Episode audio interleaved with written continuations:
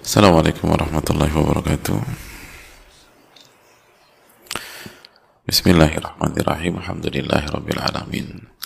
Wabihi nasta'in ala umuri dunia wa din Wa salatu wassalamu ala ashrafi anbiya Wal mursalin wa ala alihi wa sahbihi Wa man sara ala nahjihi bi ihsanin ila yaumidin wa ba'd.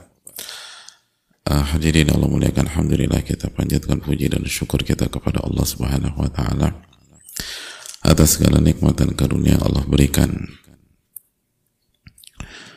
Dan Allah uh, senantiasa limpahkan kepada kita.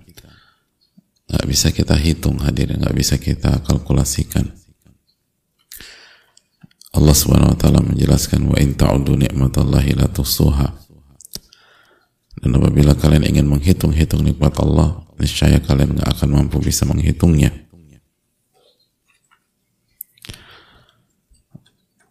Oleh karena itu hadirin Allah muliakan uh, Mari kita fokus ke hal ini. Sebelum kita mengeluhkan kekurangan-kekurangan kita Karena nikmat yang Allah berikan saja nggak bisa kita hitung.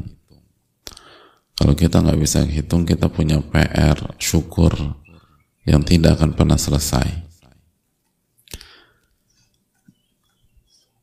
maka lebih baik kita uh, memprioritaskan hal ini sebelum berkeluh kesah.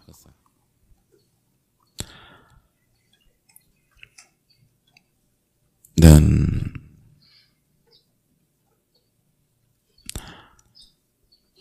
uh, Allah menjanjikan bahwa orang-orang yang bersyukur Allah akan tambah nikmatnya. Lain syakartum la azidannakum. Jika kalian bersyukur, aku akan tambah nikmatku tersebut. Walain kafartum inna azabi lasyadid. Dan kalau kalian kufur nikmat, adabku sangat pedih. Adabku sangat pedih.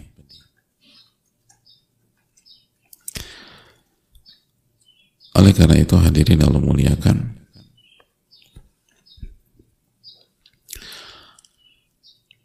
uh, minta terus pertolongan kepada Allah dan baca doa ketika di akhir salat kita Allah ma'ini ala dzikrika wa syukrika husni ibadatik.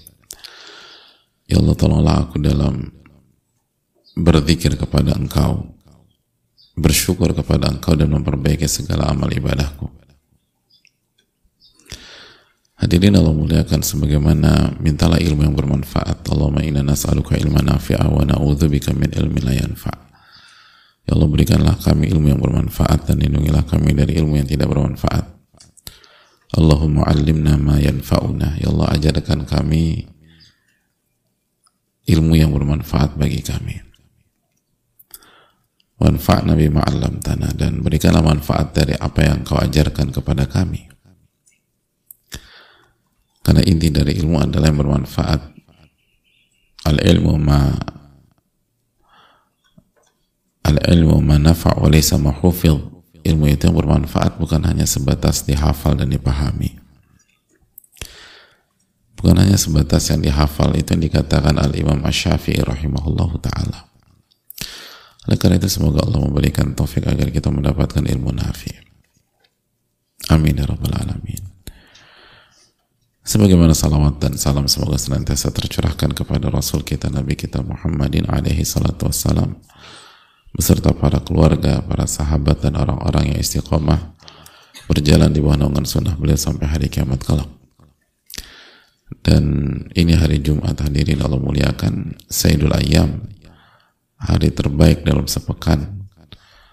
Hari yang penuh dengan amal ibadah hari di mana kita memperbanyak salawat kepada Nabi kita alaihi salatu wassalam. Lalu ada waktu mustajab untuk berdoa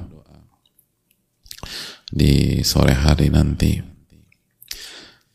Dan tentu saja sholat Jumat salah satu syiar dari syiar-syiar Islam. Maka semoga Allah menerima amal ibadah kita yang kita kerjakan di hari ini. Amin ya alamin. Hadirin Allah muliakan kita akan kembali bersama Al-Imam An-Nawawi rahimahullah ta'ala. Dalam uh, pembahasan tentang nafkah. Nafkahnya seseorang kepada keluarganya. Nafkah seorang suami kepada istri. Nafkah seorang ayah kepada anak dan uh, begitulah seterusnya. Uh, hadirin Allah muliakan.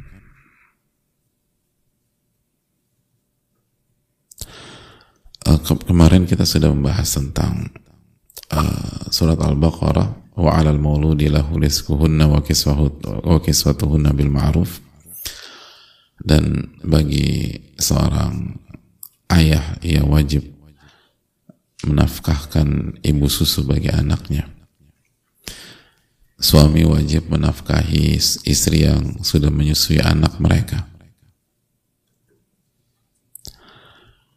Dan uh, itulah keindahan Islam dan perhatian Islam khususnya bagi wanita dan anak.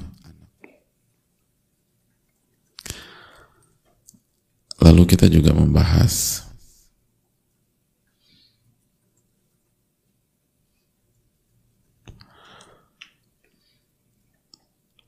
uh, surat Al-Talaq ayat 7 liyunfiq dhu sa'atin min sa'atih. Hendaknya orang yang dilapangkan hartanya menafkahi sesuai dengan kelapangannya. Wa man qudira alaihi rizquhu falyunfiq mimma atahu Allah. Dan bagi orang yang disempitkan hartanya hendaknya dia tetap memberikan nafkah sesuai dengan kondisinya. Sesuai dengan apa yang Allah berikan kepada kepada dia.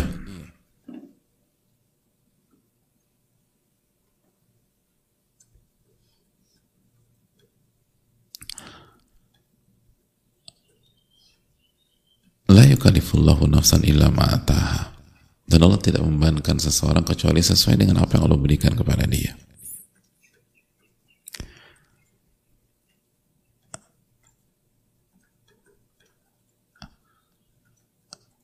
Jadi hadirin Allah muliakan beban itu hanya sesuai dengan apa yang Allah berikan.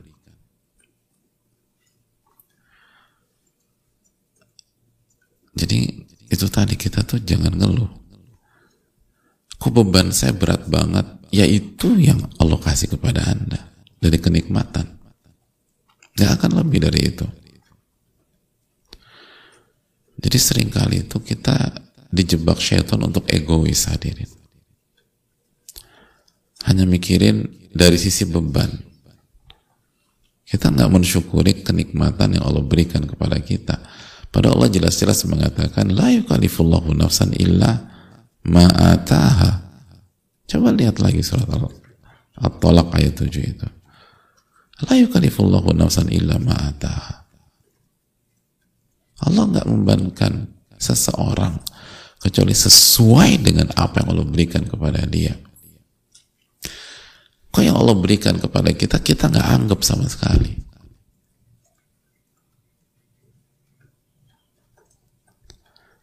Kita nggak anggap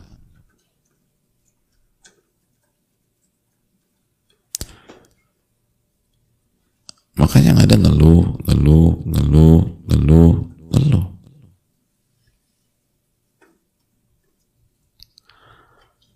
Oleh karena itu, itu yang perlu kita camkan.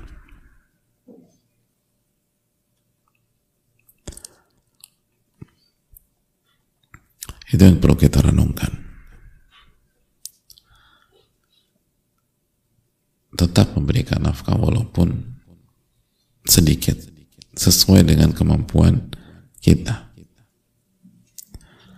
Sesuai dengan kemampuan kita. Dan semoga Allah memberikan taufik untuk mengamalkan hal tersebut.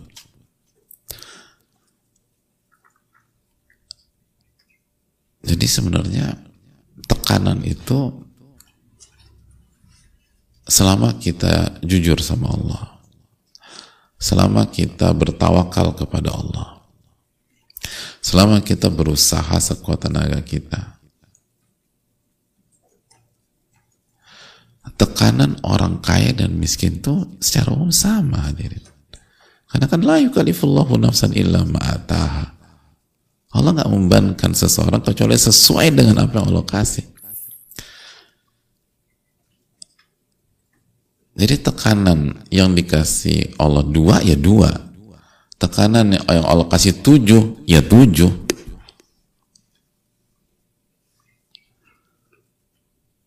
Jadi kira-kira tepat nggak ketika kita melihat orang kaya kita bilang beruntung banget ya dia gitu Bisa melakukan apa yang dia mau. Oh enggak, dia nggak bisa melakukan apa yang dia mau. Dia harus melakukan apa yang Allah mau dari dia. Sesuai dengan jumlah yang Allah kasih ke dia. Emang gampang itu hadirin?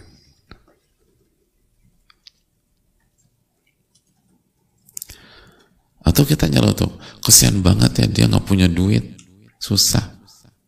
Terus gimana dengan hal A, hal B, hal C, hal D? Emang dia punya uang? Oh nggak begitu kalau lo kasih dua, bebannya hanya dua. Selebihnya, la yukalifullahu nafsan illa ma'ataha.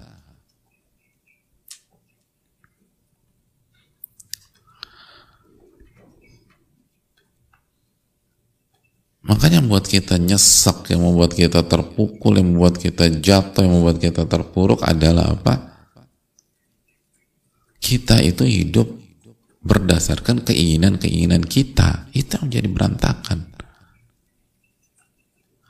Coba kalau kita hidup sesuai dengan keinginan Allah tabaraka wa ta'ala. Apa yang Allah inginkan dari diri ini? Itu coba tanya deh.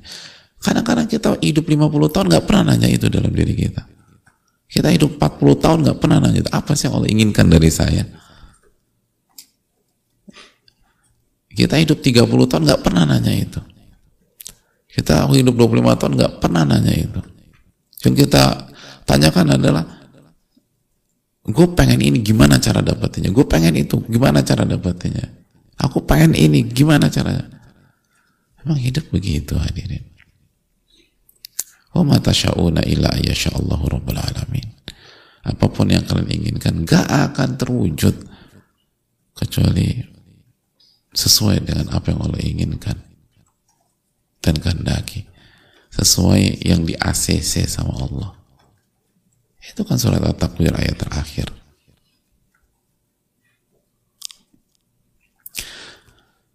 Jadi la yukalifullahu nafsan illa usaha jadi kalau kita semua meyakini demikian gak ada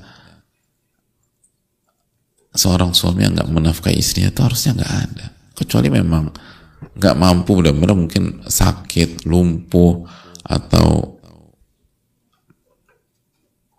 tapi jujur adil ada ada banyak orang lumpuh di dunia ini tuh bisa menafkahi istrinya dengan karya. Ya gunakan anggota tubuhnya yang masih berfungsi lalu dia berkarya lalu dia bisa nafkahi keluarganya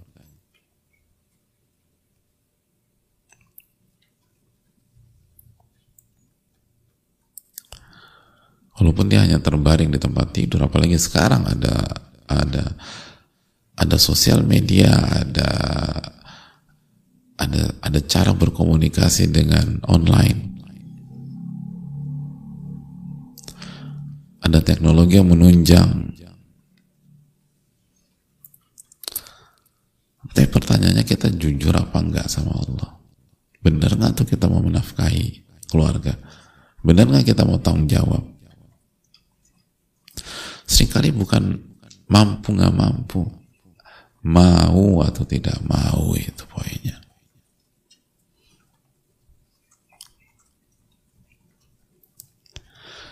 Karena mampu itu bukan isu. La yukalifullahu nafsan illa usaha Allah nggak membebankan kalian kecuali sesuai dengan kemampuan kalian.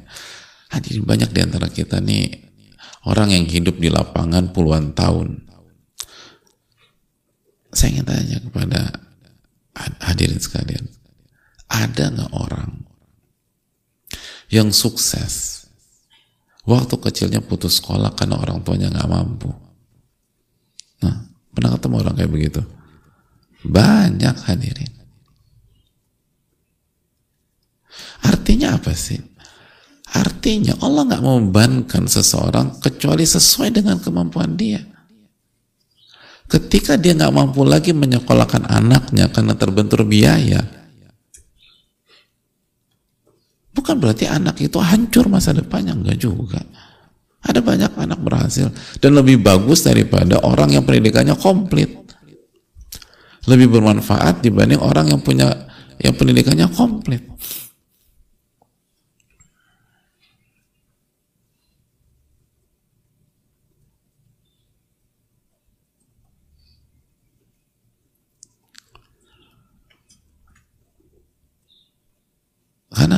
Yukalifullahu nafsan illa usaha.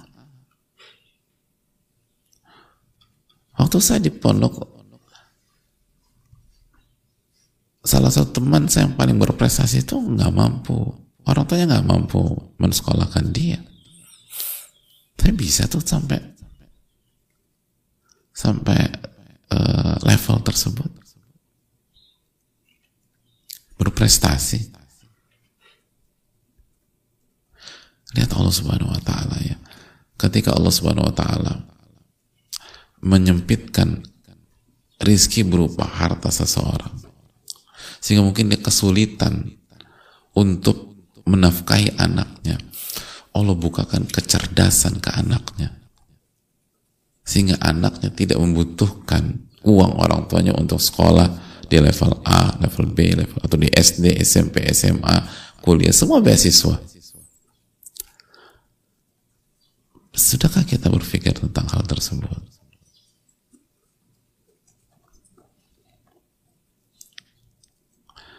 La yukalifullahu nafsan illa ma'ataha.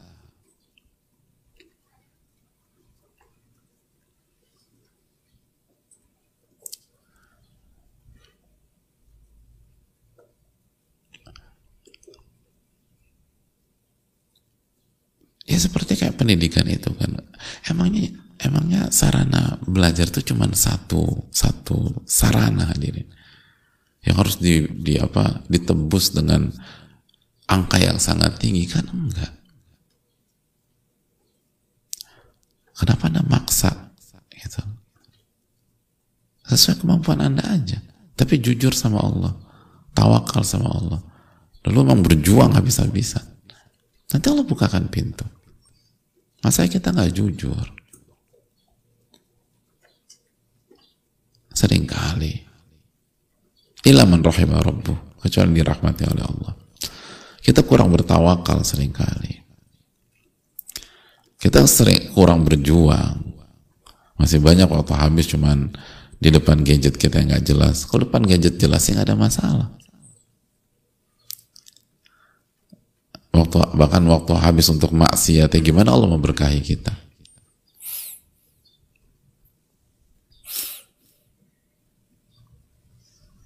Ada sebagian kita terlilit hutang. Coba jujur lihat hutang-hutang kita. Apa memang benar-benar urgent itu? Seurgent itu. Seringkali enggak. Itu ambisi keinginan yang timpang dengan kemampuan. Akhirnya pilih jalan yang makruh tanpa berpikir jalan yang halal dulu atau yang mubah.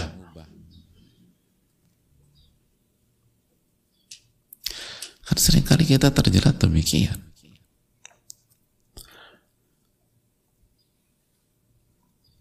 nggak simple gitu loh hidup kita. Coba hidup kita saya la nafsan illa ma'ataha enak. Seperti Abu Ubaidah itu. Pas lagi nggak punya uang sederhana. Ada uang tunjukkan nikmat Allah dalam penampilan dan pola hidup kita. Bukan bukan hedon atau bukan foya-foya bukan. Tunjukkan nikmat Allah di dalam diri kita itu aja. Hanya hanya dalam jadi miskin mengamalkan ayat kaya mengamalkan ayat. Itulah ahlu tauhid. Orang yang bertauhid kepada Allah.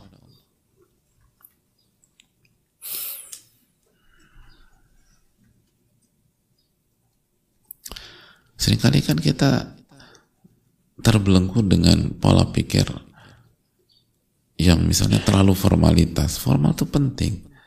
Emang Anda harus di sana ya? Enggak juga.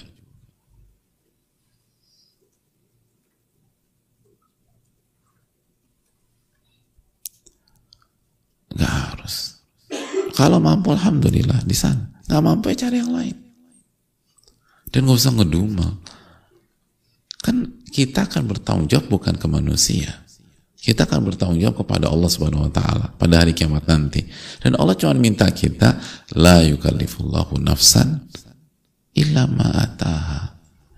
Allah nggak membebankan kalian kecuali sesuai dengan kemampuan kalian. Nah, Allah nggak mengatakan pokoknya maksa ya gimana pun caranya. Enggak. Allah minta kita berjuang semampu kita, bertakwa semaksimal kita. Setelebihnya Tawakal Allah.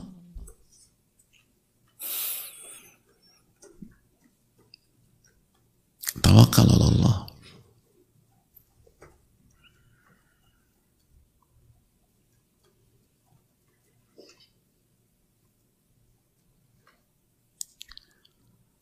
Itu yang kita lupa. Kita hanya mengandalkan logika kita.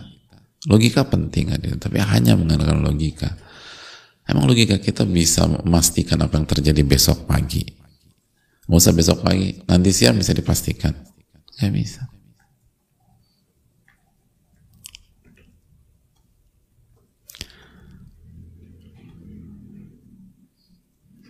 Itu hal penting. Sebagaimana sekali lagi bagi orang yang punya harta, orang yang berkecukupan, hati-hati, tanggung jawab tanggung jawab Anda itu nggak sama dengan orang miskin, nggak sama dengan orang yang nggak punya duit. Tanggung jawab untuk menafkahi keluarga, tanggung jawab untuk berinfak di jalan Allah, tanggung jawab untuk menggunakan uang itu dalam kebaikan itu beda, beda, beda. Beban Allah yang Allah kasih ke Anda itu beda dengan teman-teman ki Anda itu yang nggak punya uang. Walaupun setiap hari ketemu, walaupun sholat subuhnya satu saf, habis itu kan sholat zuhur masing-masing di kantor masing-masing. Walaupun nanti sholat isya ketemu lagi, ngobrol santai ngeteh bareng. Tapi yang satu gajinya 100 juta, yang satu gajinya 4,5, ya beda beban. Pertanyaannya di akhirat pun beda.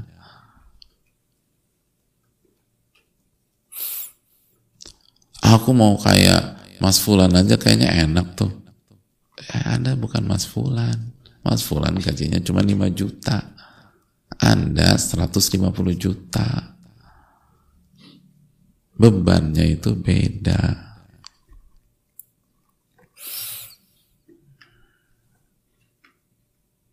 Jadi jangan pola hidupnya. Apa perjuangannya sama ya beda lah.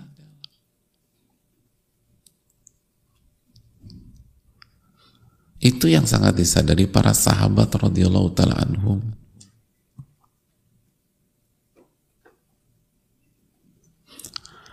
Makanya para sahabat yang kaya-kaya itu merapat ke Rasulullah SAW dan berusaha berusaha menjadi bagian dari perjuangan Rasulullah SAW sebisa mereka.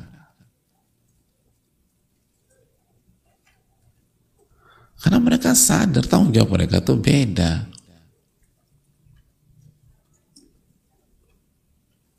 Dan mereka nggak pasif. Mereka nggak pasif. Nggak tahu kapan wafat kok.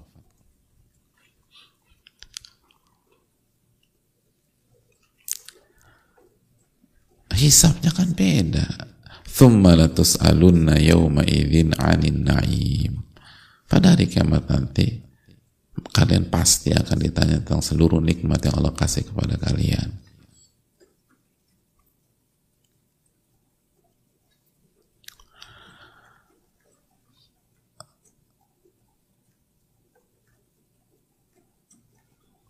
Dan kalau kita itu jangan merasa berjasa juga. Melebihi oh ini apa aku kasih apa aku kasih bantuan yang paling banyak. Yang lain cuman uh, apa cuman uh, 100 ribu 200 ribu aku ngasih 1,5 M misalnya itu kan di, dari segi angka dari segi presentase bisa jadi yang kasih 100 ribu itu lebih besar pahalanya daripada yang kasih 1,5 M. Kok bisa? Yang 100 ribu itu duitnya 200 ribu. Jadi dia kasih 50% dari uangnya. Yang 1,5 M duitnya 100 M. Ya beda di perhitungannya di sisi Allah Subhanahu wa taala. Hadirin Allah muliakan.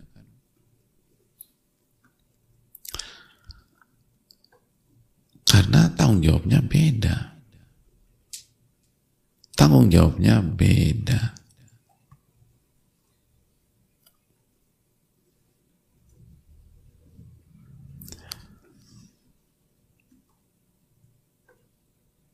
Tanggung jawabnya beda.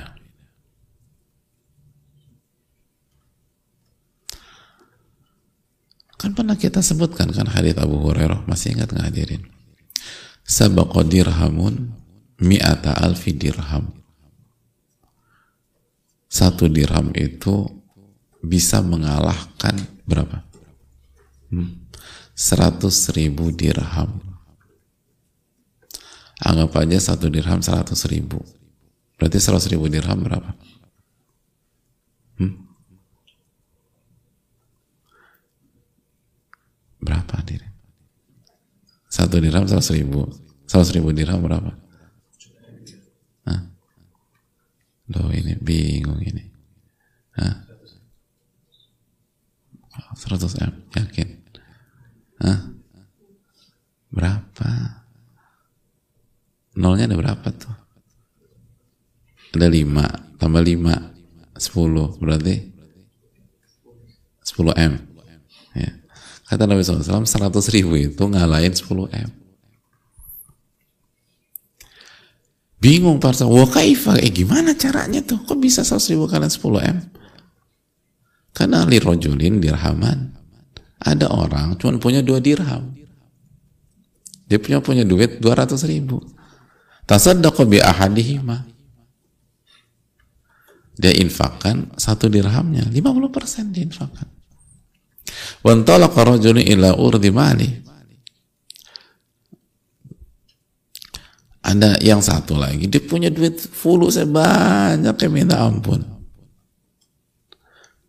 Fa'akhadha minhu mi'ata alfi dirham. Lalu dia main ngambil aja 100 ribu dirham. Lalu dia sedekahkan jadi saking banyaknya tuh duitnya main ambil, pokoknya main ambil. Udah main ambil aja kasih. Ini kasih 50 persen. Ini mungkin cuma satu persen. Mungkin cuma dua persen dari hartanya.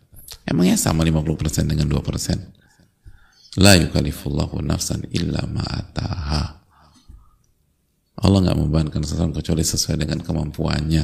Berarti beda kemampuan, bebannya sama atau beda? Beda. Makanya enaknya ilmu tauhid, enaknya ilmu tentang iman tuh begini hadirin. Kita ilmu tauhid, ilmu tentang iman itu nggak itu membuat yang yang lagi miskin tuh nggak akan minder, nggak akan terpuruk, nggak akan kecil hati, tetap semangat, tetap optimis, dan nggak akan membuat orang kayanya besar kepala lalu euforia dengan uang, lalu merasa diri paling berjasa, justru bisa jadi jasanya paling sedikit, padahal sumbangannya paling banyak. Bisa jadi. Bisa jadi jasanya paling sedikit, padahal sumbangannya paling banyak. Bisa jadi dia orang paling pelit, padahal nafkahnya secara nominal paling besar ke keluarga. Tapi kalau dinilai dari yang lain, ini paling pelit nih Padahal secara nominal ang, angka nafkah paling besar. Kenapa? Karena ketika dilihat dia cuma nafkah cuma 5% dari kemampuannya. Dia sumbangannya cuma 3% dari kemampuannya. Ada temannya yang miskin-miskin ini kalau kasih nafkah keluarga, wah habis-habisan.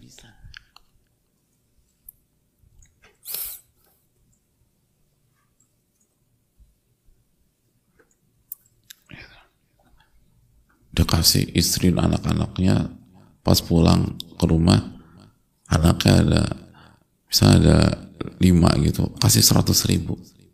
Karena kenapa gaji? Upahnya hari itu seratus sepuluh ribu. Gitu. sepuluh ribu dia pakai buat makan tiga kali hari itu. Pulang jalan dari kantor ke rumah. Ada loh ada yang pulang jalan karena nggak punya duit. Jalan pulang Seratus ribu kasih ke istri. Anak. Saya tahu ada orang pulang jalan.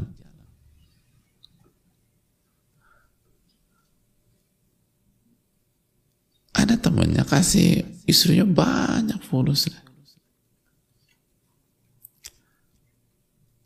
Satu bulan 50 juta buat istri. Mana yang pelit? 50, 50 juta. Kalau bahasa pelit-pelit ya, bahasa apa? Loh, kok bukan 100 ribu? 50 juta. Pemasukannya sebulan dia 500 juta.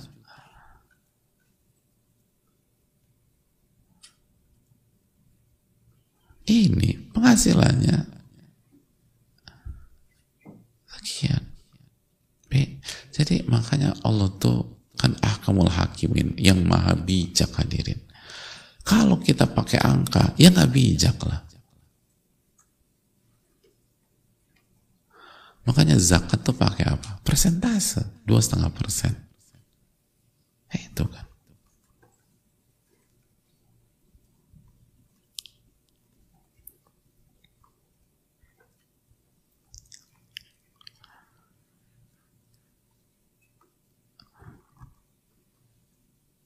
Maksudnya angka kalau hanya dinilai dari satu sisi aja. Makanya itu kata Nabi SAW. Satu dirham mengalahkan seratus ribu dirham. Seratus ribu, anggap aja seratus ribu mengalahkan sepuluh miliar.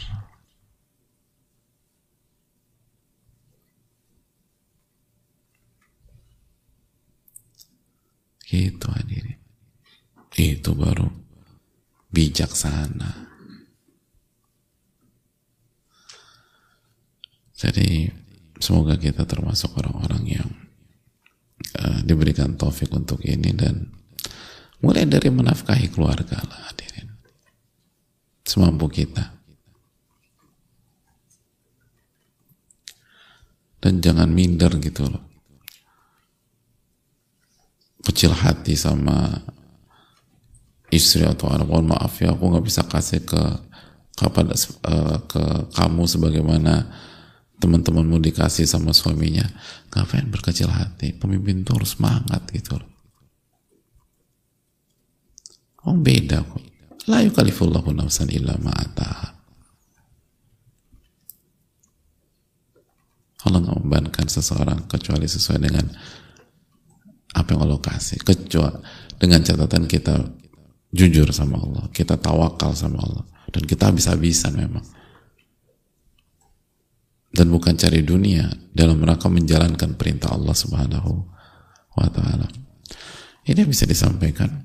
Kita buka sedikit waktu untuk sesi tanya jawab. Wassalamualaikum.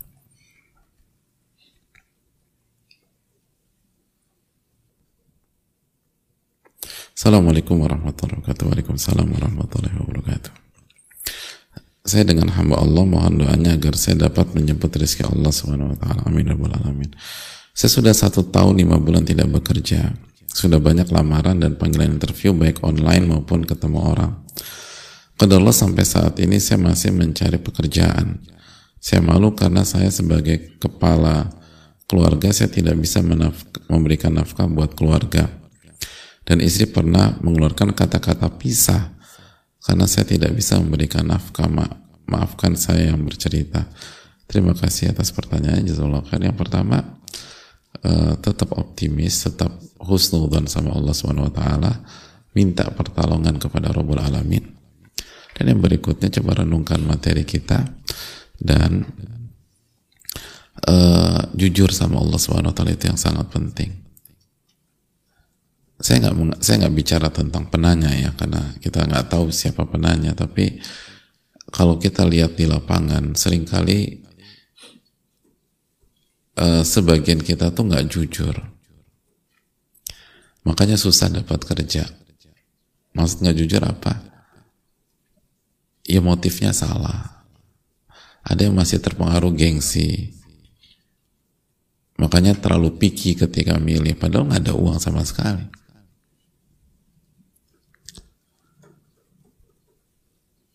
kalau misal contoh misal kayak hidup di Jakarta. Kalau orang itu mau kerja apa aja yang penting halal. Insya Allah kira-kira dapat eh, cepet dapat kerjaan apa enggak sih hadirin? Ngerjain apa aja ya tapi? Siap cuci piring siap ini siap itu siap jadi pelayan siap jadi driver dan lain sebagainya. Menurut kita apa? Nggak menurut ini hadirin sekalian. Perlu nunggu sampai satu tahun nggak untuk dapat kerjaan? Hah? enggak insya Allah ya insya Allah. Bukan meremehkan. Tapi kata para ulama ahlu Makkah adrobi syu'abiha. Penduduk Mekah itu lebih tahu tentang kondisi kota Mekah. Itu istilahnya. Penduduk Mekah lebih tahu tentang kondisi kota Mekah. Artinya warga sebuah kota ngertilah karakter kota tersebut. Asal jangan pilih-pilih gitu loh. Kadang-kadang kita tuh terlalu tinggi standar terlalu ini terus gajinya ya nggak ya belum tentu dapat memang. Tapi coba jangan pilih-pilih siap jadi apa pun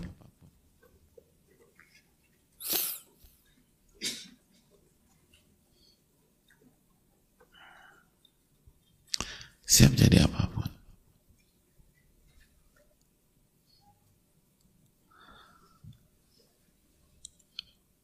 dulu waktu apa waktu saya melewat atau saya rutin melewati sebuah jalur dulu. Itu di saat beberapa teman atau beberapa atau ada teman dan seterusnya ngeluh tentang susahnya cari kerja. Itu di jalur saya saya melewati sebuah full perusahaan taksi. Dan setiap saya lewat situ selalu dicari, di, di, dicari driver ini segala macam. Dicari driver. Setiap hari Selalu ada pengumuman itu. Dan, se dan setiap saya ketemu teman saya selalu ngeluh tentang susah cari kerjaan. Itu baru, itu kita nggak nyari, kita cuma ngelewatin satu rute itu aja, belum nyari loh ini. Cuma ngelewatin satu rute aja. Terus kita ngeliat, oh ini cari. Pertanyaannya, siap nggak kita jadi supir gitu poinnya.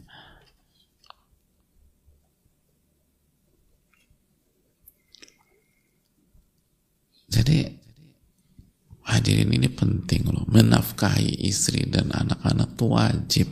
Kalau nggak kita dosa. Dan kita sudah jelaskan. Sebagian ulama seperti ulama syafi'ah mengatakan itu jadi hutang yang harus dibayar. Hutang bukan oh bebas-bebas aja nggak hutang. Kalau dia nggak dibayar dosa.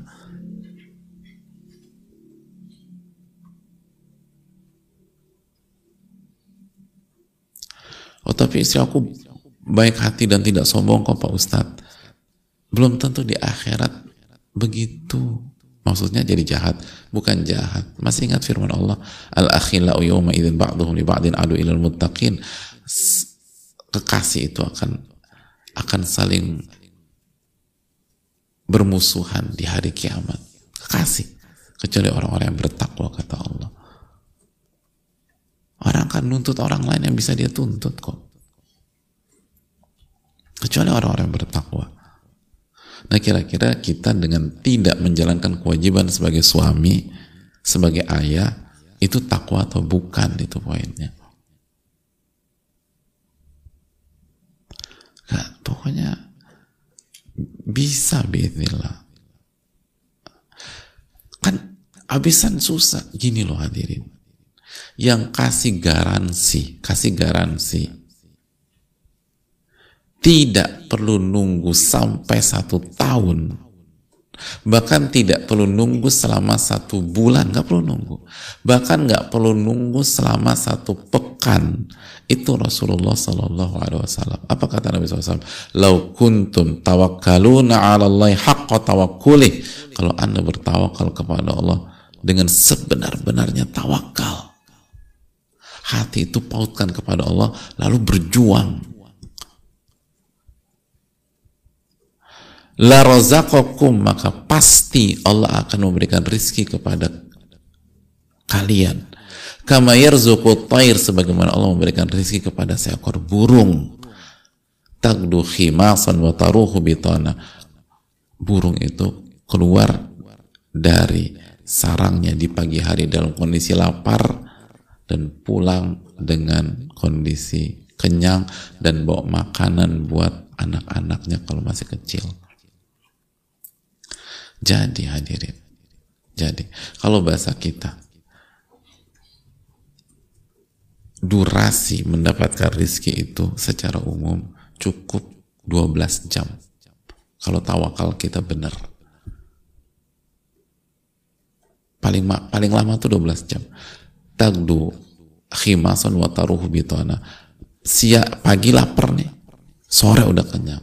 Jadi sore nggak sampai 12 pagi sore.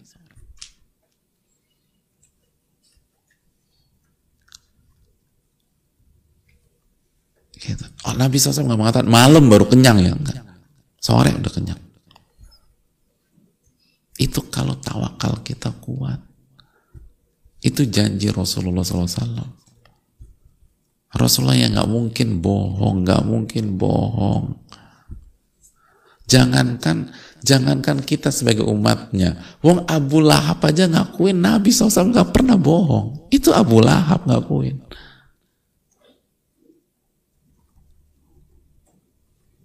Orang musyrik Quraisy itu ngakuin Nabi SAW nggak mungkin bohong. Masih ingat ketika Nabi SAW kumpulkan orang-orang Quraisy terus mengatakan bagaimana menurut kalian kalau saya mengatakan ada pasukan di belakang bukit ini akan menyerang kalian percaya nggak Engkau nggak pernah bohong Muhammad. Ya percayalah. Lalu Nabi SAW mengatakan, aku peringatkan kalian dari azab Allah yang sangat pedih suruh beriman. Baru Abu Lahab mengatakan, tabbanlah ke alihada tanah celaka engkau. Apakah cuma gara-gara ini engkau mengumpulkan kami? Tapi Abu Lahab nggak bilang bohong kamu. Enggak. Cuma bilang celaka aja. Bohong enggak. Ini Nabi kita mengatakan, kalau kita benar-benar tawakal, Allah akan kasih seperti kasih ke seekor burung. Pagi lapar, sore udah kenyang. Jadi bagaimana mungkin kita suruh nunggu satu tahun gitu loh. Kecuali ada masalah dalam diri kita. Bukan karena susah dapat kerjaan.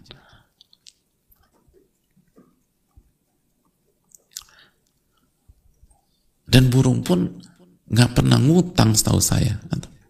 Pernah ngutang nggak burung? Ini siapa pakar burung udah datang loh pakar burung. Gak serius kita punya pakar burung ini. Mana? Bapak Bapak Faris mana? Tanya nih, pernah nggak ada sejarah guru burung tuh ngutang? Maksudnya bukan ngutang itu haram enggak, tapi mindset sebagian kita kan dikit-dikit hutang, dikit-dikit hutang. Burung nggak pernah hutang adik.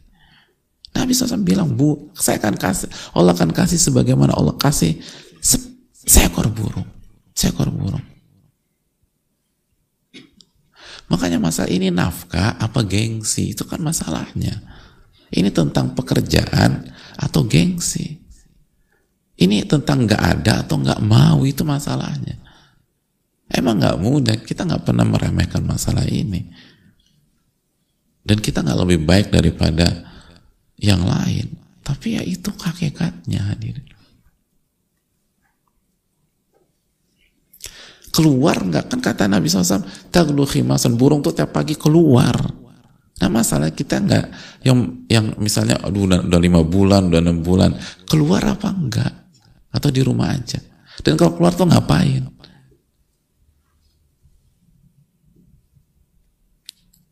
apalagi hari gini hari itu tadi ada banyak orang itu nggak perlu keluar rumah itu income dapat. Dia cukup melakukan komunikasi online dia cukup ini. Lalu sekarang tuh banyak banget tadi Wong dunia itu dibuka sama Allah sekarang